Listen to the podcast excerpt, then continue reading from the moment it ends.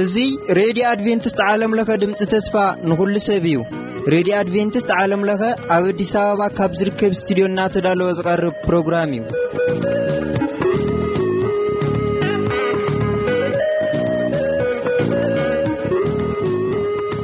እዚ ትከታተልዎ ዘለኹም ረድዮኹም ረድዮ ኣድቨንቲስት ዓለም ለኸ ድምጺ ተስፋ ንኹሉ ሰብ እዩ። ሕዚ እቲ ናይ ህይወትና ቀንዲ ቁልፊ ዝኾነ ናይ እግዚኣብሔር ቃል ምዃኑ ኩላትኩም ኣይትዘንግዕዎን። እስቲ ብሓባር እነዳምጽ።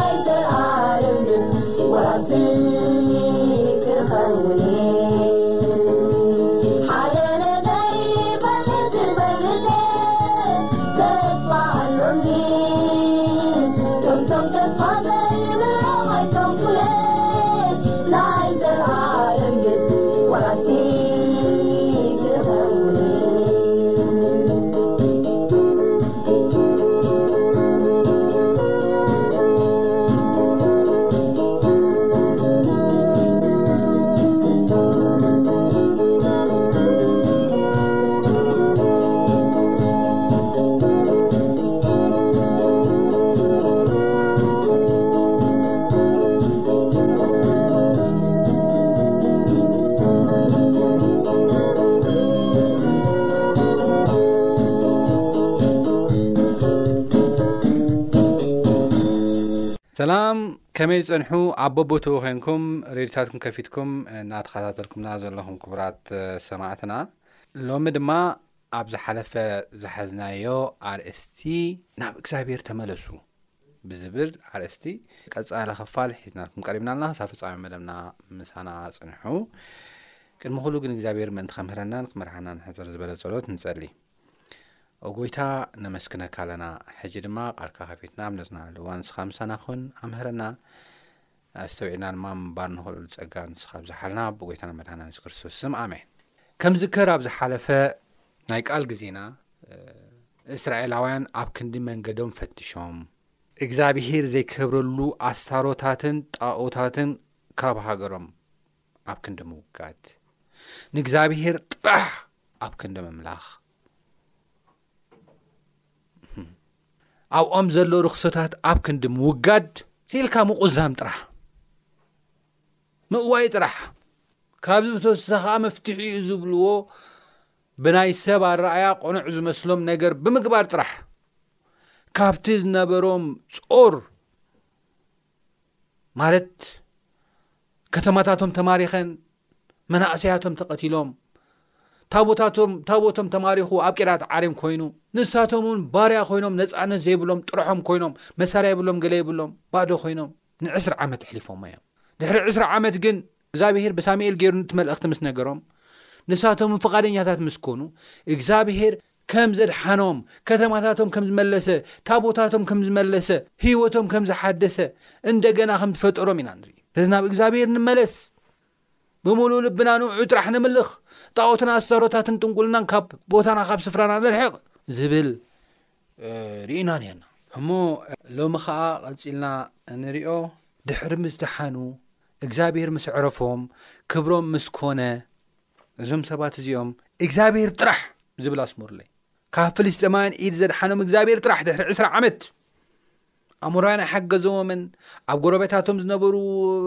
ህዝቢ ኣየድሓንዎምን ኣይበፅሑሎምን እግዚኣብሄር ጥራሕ ዘድሓኖም ጎይታ እናሃለወ ክነሱ ንሶም ግን ኣብ ክንዲ ምምስጋን ብዝበለጸ ንእግዚኣብሄር ኣብ እግዚኣብሄር እምነቶም ኣብ ክንዲ ምግባር ኣብ ክንዲ ምዕራፍ ከም ፍቓዱ ኣብ ክንዲ ምምልላስ እግዚኣብሄር ዝሕጎሰሉን ዝኸብረሉን ነገር ኣብ ክንዲ ምግባር ከምዚ ኢሎም ንሳሙኤል ከም ተዛረቦ ኢና ንርኢ ልቢ በሉ ናይ እስራኤል ምሕዳር ቲዮክራሲ እዩ ነይሩ እግዝኣብሄር ከም ንጉሶም ገይሮም ዝምርሑ ሰባት እዮም ነይሮም ክሳብ እዚ ግዜ እዚ እግዚኣብሄር እዩ ንጉሶም እግዚኣብሄር እዩ ዝመርሖም እግዚኣብሄር እዩ ዘድሕኖም እግዚኣብሄር እዩ ዝምግቦም ኩሉ ነገር ንጉስ ኣይነበሮምን ንጉሳዊ ኣጋዛእዛ ኣይነበረን ሓር ነቶም ጎረቤታቶም ሪኦም እንታይ በልዎ ሽዑ ብዘለዉ ዓበይቲ እስራኤል ተኣኪቦም ናብ ሳሙኤል ናብ ራማ መጹ ይብለና እንሆ ንስኻ ዓሪግካ፣ ደቅኻ ኸኣ ብመንገድኻ ኣይከዱን፣ እምበኣርሲ ሕጂ ከም ኵሎም ህዝብታት ዚፈርደልና ንጉስ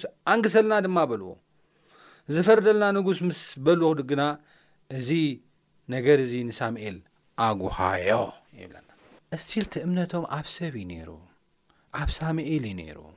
ምስ ደሓኑ እግዚኣብሔር ዓብ ነገር ምስ ገበረሎም መሰ ዕረፎም መሰ ክበሮም እግዚኣብሔር ንሳሙኤል እንታይ በልዎ ንጉስ ኣንግሰልና ሳሙኤል ኣዝዩ ጓሀ ኣዝዩ ጓሀ ምኽንያቱ እግዚኣብሔር ንጉስኩም ኮይኑ ዝጎደለኩም ነገር እንታይ እዩ እግዚኣብሔር ንጉስኩም ኮይኑ ዝሰኣንኩምዎ ነገር እንታይ እዩ ካብ ባርነት ናብ ነፃነት ካብ ቁስሊ ናብ ሕወት ካብ ስእነት ናብ በረኸት ዘምፀ ጎይታ እንታይ ኣጉዲልኩም ሕጂ ንጉስ ኣንግሰልና ትብሉ ኢሉ ንሳሙኤል እቲ ነገር ኣዝዩ ኣጉሃዮ ይብለና። ኢንፋክት እዚ ቃል እዚ ደጋጊሙ እዩ ሳሙኤል ዝዛረቦ ከም ዘጉሃዮ ብደንቢ እዩ ዝዛረብ። ሓደ ናብ እግዚኣብሄር ጸለየ ይብለና ሳሙኤል። እግዚኣብሄር እውን ኣዝዩ ከም ዘጉሃዮ ኢና ንርኢ። እግዚኣብሄር ድማ ንሳሙኤል በሎ ኣነ ከይነግሶም ኣነ ከይነግሶም ንኣይ እዮም ዝነዓቑ እምበር ንኣኻ ኣይኮኑን ዝነዓቑ እሞ እዞም ህዝቢ ዝበሉኻ ኩሉ ቃሎም ስማዕ ኢሉ ንጉስ ከንግሰሎም ከም ዝነበሮ ኢና ንርኢ። እስራኤላውያን ከምቲ ካብታ ግብጺ ዘውጻእኩዎም መዓልቲ ጀሚሮም ክሳዕ እዛ መዓልቲ እዚኣ ዝገብርዎ ግብሪ ንኣይ ሓዲጎም ንኻልኦት ኣማልኽቲ ኣምለኹ፣ ንኣኻ ድማ ከምኡ ይገብሩ ኣለዉ። ሕጂ ኸኣ ቓሎም ስማዕ። ግናኸ ኢሉ ይዛረብ። ግናኸ ይብል ጐይታ፣ ኣጽኒዕኻ መዓዶም፣ ስርዓት እብ ልዕሊኦም ዝነግስ ንጉስ ከኣ ኣፍልጦም ኢሉ። ንጉስ ከንግሰልኩም ኢኹም ደሊኹም? እወ ከንግሰልኩም እየ። ግን ስርዓት እዚ ፍለጥዎ ኢሉ ከም ነገሮም ኢና ንርኢ ሳሙኤል ድማ ነቶም ኣብኡ ንጉስ ዝለመኑ ህዝቢ እቲ እግዚኣብሔር ተዛረቦ ዘበለ ነገሮም ንሱ በሎም ስርዓት ትብልዕሌኹም ዘሎ ዝነግስ ንጉስ እዚ እዩ ነቶም ኣወዳትኩም ወሲዱ ኣብ ሰረገላታቱን ፈረሰኛታቱን ይገብሮም ቀቅድሚ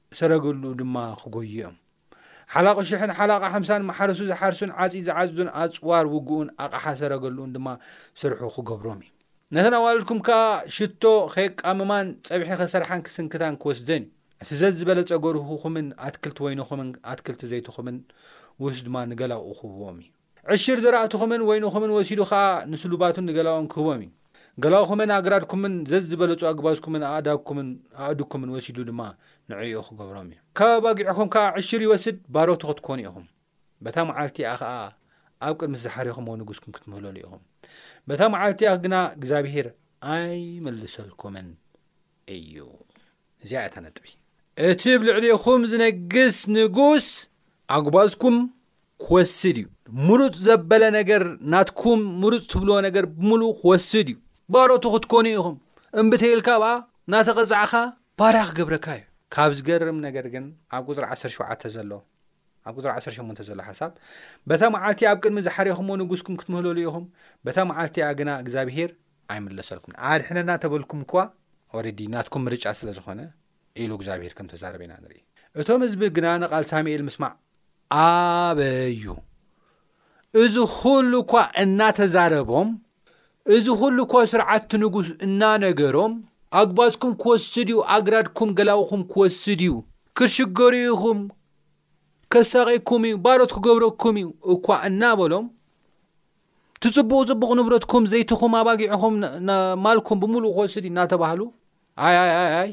ኣንግሰልና ደኣ ኣንግሰልና ኢሎም ንሳሙኤል ምስማዕ ከም ዝኣበይዎ ኢና ንርኢ ሳሙኤል ድማ ኩሉ ዘረባት ህዝቢ ሰሚዑ ንእግዚኣብሄር ነገሮ እግዚኣብሄር ከዓ ንሳሙኤል ቃሎም ስማዕ እሞ ንጉስ ኣንግሰሎም በሎ ይብለና ናይ መጀመርያ ንጉስ እስራኤል ድማ ሳኦል ኮይኑ ከም ተመዘዘ ኢና ንርኢ ናቶም ሓሳብ ኣብ ከባቢኦም ዝረኣይዎ ስርዓት ኣብ ውሽጦም ዝተረፈ ነገር ስለ ዝነበረ ካብቲ እግዚኣብሄር ዝብሎ ነገር ኣብሊጾም ናይዚ ኩሉ ምክንያት ከምቲ ዝበልኩኹም እዩ ሓደ ሳሙኤል ኣሪጉ ስለ ዝነበረ እዩ ሳሙኤል ሞይቱ መን ክመርሓና እዩ ድሓር ዘተሓሳሰቦምና ሳሙኤል ሞይቱስ መን እዩ ክመርሓና ካልኣይ ደቂ ሳሙኤል ዮኤልን ኣብያን መማለዲ እናተቐበሉ ጉቦ እናተቐበሉ ነቲ ህዝቢ ይፈርድዎ ኣለዉ ፍትሓውያን ኣይኮኑን ስለዚ ሰብ ንስእን ኣለና መራሒ ንስእን ኣለና መራሒ ዘይብሉ ህዝቢ ከዓ ክብተን እዩ ስለዚ ገለ ግበር ንጉስ ኣንግሰልና ዝእክበና ኢሎም ከም ዝሓሰቡ ኢና ንርኢ ምናልባት ብሰብ ሓሳብ ክረአ ከሎ ብሰብ ሓሳብ ክምዘን ከሎ እዚ ሓሳብ እዚ ምኽንያታዊ ትኽክል እዩ ዘብል ክመስል ይኽእል ይኸውን ነገር ግን ምክንያታዊ ኣይነበረን ዕሽነት እዩ ታሪክ ዝረስዐ እዩ ዘይምስትውዓል ዘይምዝካር እዩ እግዚኣብሄር ኣብ ጎኖም ከም ዘለዎ ዘይምርኣ እዩ ንሳሙኤል ዘልዓለሎም ኤሊ ምስ ሞተ ንሳሙኤል ንክዓቢ ዝግበ ኤሊ ኮ ምስ ሞተ ደቂ ኤሊ ውን ከምኡ ምስ ኮኑ እስራኤል ኮ ክፍተት ነይሩ ኮ እዩ መን እዩ ንሳሙኤል ዕብዩ ኣተስኢሎም መን እዩ ንሳሙኤል ሂብዎም እግዚኣብሄር ባዕሉ እዩ ብሳሙኤል ገይሩ ዓብ ስራሕ ዝሰርሐ መን እዩ እግዚኣብሄር በዓሉ እዩ እዚ ነገር እዚ ንዖም ዘጨነቕ ኣይነበረን እግዚኣብሄር ሰብ ከልዕለሎም ነይሩ ነገር ግን እግዚኣብሄር ዘይምእማን እዩ ኣብ ናይ እግዚኣብሄር ስራሕ ኣብቲ እግዚኣብሄር ዝገበሮ ነገራት ኣብ ታሪክ ዝገበሮ ነገራት ብምሉእ ዘይምዝካር እዩ ታሪክ ኣይንረስዕ እግዚኣብሄር ዝገበሮ ነገር ንዘክር ዓዋተይ እግዚኣብሄር ንህዝቡ ንኽብተን፣ ንኽሽገር፣ ንኽጠሚ፣ ንኽፈርስ ዝፈቅድ ኣምላኽ ኣይኮነን። ዝፈቅድ ኣምላኽ እተዝኸውን ፍልስጥማውያን ከተማታቶም ሒዞም ታቦቶም እውን ሒዞም ንዕኦም ባሮት ገይሮም ኣጉባዞምን ዘለዎም ማለን እናሰረቕዎም ስክብል ነይሩ እግዚኣብሄር ግን ሰናይ ስለ ዝኾነ ኣኪብዎም እንደገና እስራኤል ክበሃሉ ገይርዎም ንሶም ካብ ዘይምዝካር ዝተልዓለ እዚ ሓሳብ እዚ ስግኣት እዚ ከም ዝሓደሮም ኢና ንርኢ ስግኣት ስግኣት ግን ኩሉ ግዜ ብቃል እግዚኣብሔር ክምዘን ክኽእል ኣለዎ በቲ እግዚኣብሔር ዝሰርሖ ስራሓት ኣብ ታሪክ ዝተገብረ ነገራት ክምዘን ክኽእል ኣለዎ ስግኣት ስለ ዘሎ ጥራሕ መፍትሒ ኢልካ ስኢልካ ክትዛርብ ይብልካ ብዝኾነ ስግኣት እዚ ኣለና ኣንግሰልና ንግሰልና ወላ እናረኣዩ ባርያ ክገብረኩም እዮም እናተባሃሉ እቲ ንጉስ ዝነግስ ባርያ ክገብረኩም እኳ እናተባሃሉ ደሓን ባርያ ይግበረና ጥራሕ ክእክበና ዝኽእል እዮም ዝብሉ ዘለዉ። እግዚኣብሄር ከኣ እቲ ንጉስ ትብልዎ ዘለኹም ንንገሰልና ትብልዎ ዘለኹም ናይ መጀመርያ ንጉስ ባርያ ክገብረኩም እዩ እናበሎም እሱ ዝእክበኩም ዘይኮነስ ንሱ ባርያ ክገብረኩም እዩ እናበሎም ዘለኩም ማልኩምን ኣጉባዝኩምን ኣግራድኩምን ገላውኹም ብምልኡ ክወስዶም እዩ እናበለ ኖ ኣንገሰልና ክብሉ ከሎ ኢና ትሪ ልቢ ህልኸኝነት ደይ ምስትውዓል እግዚኣብሔር ካብዚ ይፈውሰና ምስትውዓለን ምርዳእን ይሃበና እምበኣር እግዚኣብሔር ወዲ ቂስ ሳኦል ዝበሃል ወዲ ቂስ ካብ ቢንያም ነገር ዝኾነ ከም ዘንገሰሎም ኢና ንርኢ ሳኦል ካብ ዝገርም ኣቡኡ ሓያል እዩ ነይሩ ኣስተውዓሊ እዩ ነይሩ ሓደጋታት ክመፅእ ከሎ ከመይ ገይሩ ከም ዝሓልፍ ዝፈልጥ ሰብ ፅኑዑ ሰብኣዩ ነይሩ ኣቦኡ ቂስ ሳኦል ግን ከም ኣቦኡ ይነበረን ሳኦል ግን ብስግኣት ኩሉ ግዜ ብፍርሓት ሓሳቡ ዝቕይር ጽኑዕ ዘይኮነ ሰብኣይ እዩ ነይሩ። ኣቡኡ ቂስ ግን ክዛረበና ከሎ ሓያል ጅግና ሰብኣይ ነበረ ይብለና። ናይ ቂስ ሓዉ ዝወለዶ ወዲ ንሳኦል ናይቲ ውትህድርና ሓላፊ ገይርዎ ነበረ ኣብኔር። ስለዚ ቂስ ክሳብ ክንደይ ሓያል ምዃኑ ዘርኢ እዩ። ወዲ ግን ከምኡ ኣይነበረን። ፈራሕ እዩ ነይሩ፣ ሓሳቡ ዝቕይር እዩ ነይሩ፣ መትከል ዘይነበሮ ሰብ እዩ ነይሩ። ብርግጽ እዩ ሳኦል ካብ ዝወለዶም እቲ በዅሪ ወዱ ዮናታን ካብቶም ሓሙሽተ ቆልዑት እቲ በዅሪ ወዱ ዮናታን ጽኑዕ ሓያል ሰብ ከም ዝነበረ መጽሓፍ ቅዱስ ይዛረበና እዩ። ብርግጽ ትርኢቱ ሳኦል ነዊሕ መልክዐኛ ሰብ እዩ ነይሩ፣ ግን ጽኑዕ ሰብ ኣይነበረን። ሳሙኤል ድማ ብዘሎ እስራኤል በሎም፣ እነሆ ዅሉ እቲ ዝበልኩምኒ ቃልኩም ሰሚዐ ኣብ ልዕሌኹም ንጉስ ኣንገስኩ። ሕጂ ኸኣ እቲ ቀቅድሜኹም ዝኸይድ ንጉስ እንሆ፣ ኣን ድማ ኣሪገ ሸየብኩ።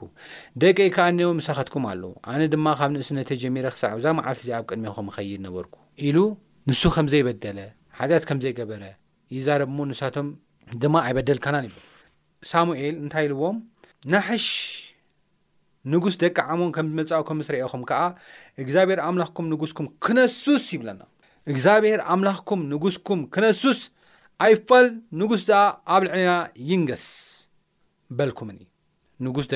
ናሕሽ ንጉስ ደቂ ዓሞን ከም ዝመጸኩም ምስ ረኣኹም ሕጂ ኸኣ እንሆ እቲ ዝለመንኩሞ ዛሕረኽሞ ንጉስ እግዚኣብሄር ድማ ኣብ ልዕሌኹም ንጉስ ሂብኩም እነሆ። ንእግዚኣብሄር እንተ እትፈርህዎን እንተ ተገልግልዎን ቃልውን እንተ ትሰምዑ ንትእዛዝ እግዚኣብሄር ከኣ እንተ ዘይኣብኹም ንስኻትኩም እቲ ኣብ ልዕሌኹም ዝነግስ ንጉስ እግዚኣብሄር ኣምላኽኩም እንተ ስዒብኩም ድማ ደሓን። ግናኸ ንቓል እግዚኣብሄር እንተ ዘይሰማዕኹም ንትእዛዝ እግዚኣብሄር እንተ ዘይኣኣብኹምዎ ሽዑ ኢድ እግዚኣብሄር ከምቲ ነቦታትኩም እተጻረር ንኣኻትኩምውን ክትጻረር እያ ኢሉ ናይ መወዳእታ መልእኽቱ ከመሓላልፍ ኮለና ንርኢ። ሕጂ ኸኣ ደው ኢልኩም ነቲ እግዚኣብሄር ኣብ ቅድሚ ዓይንኹም ዘገበሮ ዓብዪ ነገር ርኣዩ። ሎምስ ገና ዓጺድ ስርናይ ዶ ኣይኰነን? እቲ ንጉስ ብምልማንኩም ኣብ ቅድሚ እግዚኣብሄር ዝገበርኩምዎ ክፍኣት ዓብዪ ኸም ዝዀነ ምእንቲ ኽትፈልጡን ክትርእዩንሲ ንእግዚኣብሄር ክልምኖ እየ፣ ንሱ ኸኣ ነጕድን ዝናምን ክሰድድ እዩ። ሽዑ ንሳሙኤል ንእግዚኣብሄር ለመኖ፣ እግዚኣብሄር ድማ በታ መዓልቲኣ ነጕድን ዝናምን ሰደደ። ኵሉ እቲ ህዝቢ ኸኣ ንእግዚኣብሄርን ንሳሙኤልን ኣዝዮም ፈርሁ። ብዘለዉ እቶም ህዝቢ ኸኣ ንሳሙኤል ኣብ ልዕሊ ዅሉ ሓጢኣትናስ ንጉስ ብምልማንና እዚ ኽፉእ እዩ፣ እዚ ድማ ወሲኽና ኢና እሞ፣ ምእንቲ ኸይንሞትሲ፣ ስለ ገላውኻ ንእግዚኣብሄር ኣምላኽካ ለምነልና፣ በልዎ። ንጉስ ኣንግሰልና ኢሎም እናተመኸሩ ኣብዮም ንጉስ ኣንጊሱሎም። ደሓር ብደንቢ ምስ መኸሮምን ምልክት ድማ ኽርእየኩም እየ ምስ በሎም፣ እቲ ምልክት ድማ ምስ ረኣዩን፣ ሓጢኣት ሰሪሕና ኢና፣ በዲልና ኢና፣ ጸሊልና ክብልዎ ከሎ ኢና ንርኢ። ብምንታይ ኢና ንኣምን? እስራኤላውያን ብምንታይ እዮም ዝኣምኑ ነይሮም? በቃ ነጎድጓድን ዝናብን ስለ ዝመጸ ዝበሎ ቃል ስለ ዝተፈጸመ ምናልባት ኣብቲ ሽዑ ግዜ እቲ ስለ ዝፈርሑ እዮም ልቦም ዝኣምን ነይሩ እንደገና ድማ ንስሓ ዝኣቱ ነይሮም ግን ክኸውን የብሉን እቲ ክኸውን ዘለዎ ናይ እግዚኣብሔር ቃል ብደንቢ ሰሚዖም ኣስተውዒሎም ብርድኢት ብፍቓድ እዮም ክኸውን ዘለዎ እምበር ፈሪሖም ተንቀጥቂጦም ወይ ድማ ክድሕኑ ስለ ዝደለዩ ንእግዚኣብሄር ምእማን ንስሃ ምእታው እዚ ኣብ ቅድሚ እግዚኣብሄር ዋጋ የብሉን ካብ እስራኤላውያን ነገር ንመሃሮ ነገር እዚ ቅፅዓት ፈሪሕኻ ሞት ፈሪሕኻ እትምለሶ እትገብሮ ንስሓ ወይ ድማ ምድሓን ደሊኻ ፈውሲ ደሊኻ እትንስሖ ንስሓ ኣብ ቅድሚ እግዚኣብሄር ዋጋ የብሉን እዚ ኩሉ ተመኺሮም እምቢ ኢሎም እናሃለዉ ነጉድጓድን ዝናብን ምስ መጸ ምስ ሰምዑ እቲ ሳሙኤል ዝበሎ ነገር ምስ ሰምዑ ግን ድሓር እንታይ ኢሎም ጸልየልና ከይንመወት ከይንጠፍእ ንምንታይ ንጉስ ብምልማና ሓጢኣት ሰሪሕና ኢና ክፍኣት በዲልና ኢና ኢሎም ክዛረቡ ከሎ ሳሙኤል ከዓ ነቶም ህዝቢ በሎም ኣይትፍርሁ ኣይትፍርሁ ምግባርሲ እዚ ኩሉ ክፉእ እዚ ንስኻትኩም ጌርኩሞ ኢኹም። ግናኸ እግዚኣብሄር ኣብ ምስዓብ ኣይትዘንብሉ፣ ብምሉእ ልብኹም ደኣ ንእግዚኣብሄር ኣገልግልዎ። ብምሉእ ልብኹም ንእግዚኣብሄር ኣገልግልዎ። ሕጂ እውን እቲ ኮር ኢሹ እቲ ጉዳይ ናብ እግዚኣብሄር ኣብ ምምላሱን ንዕኡ ጥራሕ ኣብ ምምላኽን ንዕኡ ጥራሕ ኣብ ምግልጋልን ብመንገዱ ጥራሕ ኣብ ምምላስን እዩ ዘሎ እቲ ምስጢር። እታ ምስጢር እንስሳ እያ። ነቶም ዘይጠቕሙን ዘየድሕኑን ከንቱ ስለ ዝኾኑ ምስዓቦም ከንቱ እዩ እሞ ኣይተግልሱ። ንጣዖታት ኣስታሮታት ከንቱ እዮም፣ ከድሕኑ ኣይክእሉን እዮም። ነቶም ኣብ ጎረቤታትኩም ዘለዉ ሓወይ ሓፍተይ ዝብልኹም ኣይትስምዕዎም፣ እግዚኣብሄር ጥራሕ እዩ ዘድሕን። እግዚኣብሄር ህዝቡ ክገብረኩም ፈትዩ እሞ ስለዚ እግዚኣብሄር ምእንቲ እቲ ዓብዪ ስሙ ኢሉ ንህዝቡ ኣይሓድጎን እዩ። ስለዚ ኣይሓድጎ እስኹም እውን ኣይትሕደግዎ።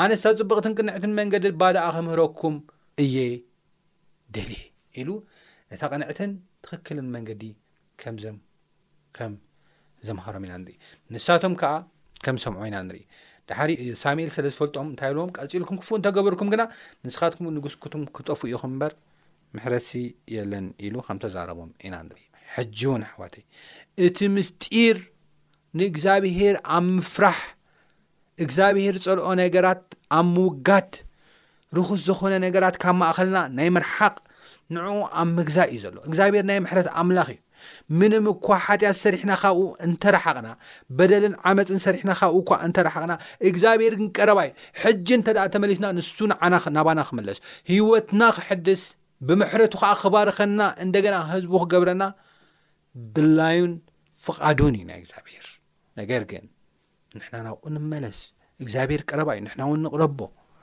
ከም መንገዱ ንመላለስ ምስኡ ነተሓሓዝ ቃሉ ነንብብ ቃሉ ንፍለጥ ከም ቃሉ ድማ ንንበር እዚ ክንገብር እግዚኣብሔር ፀጉ የብዝሓና ኣብ ዝቕፅል ብካልእ ክሳብ ንራኸብ ሰላም ኩኑ ጎይታ ይባረኩም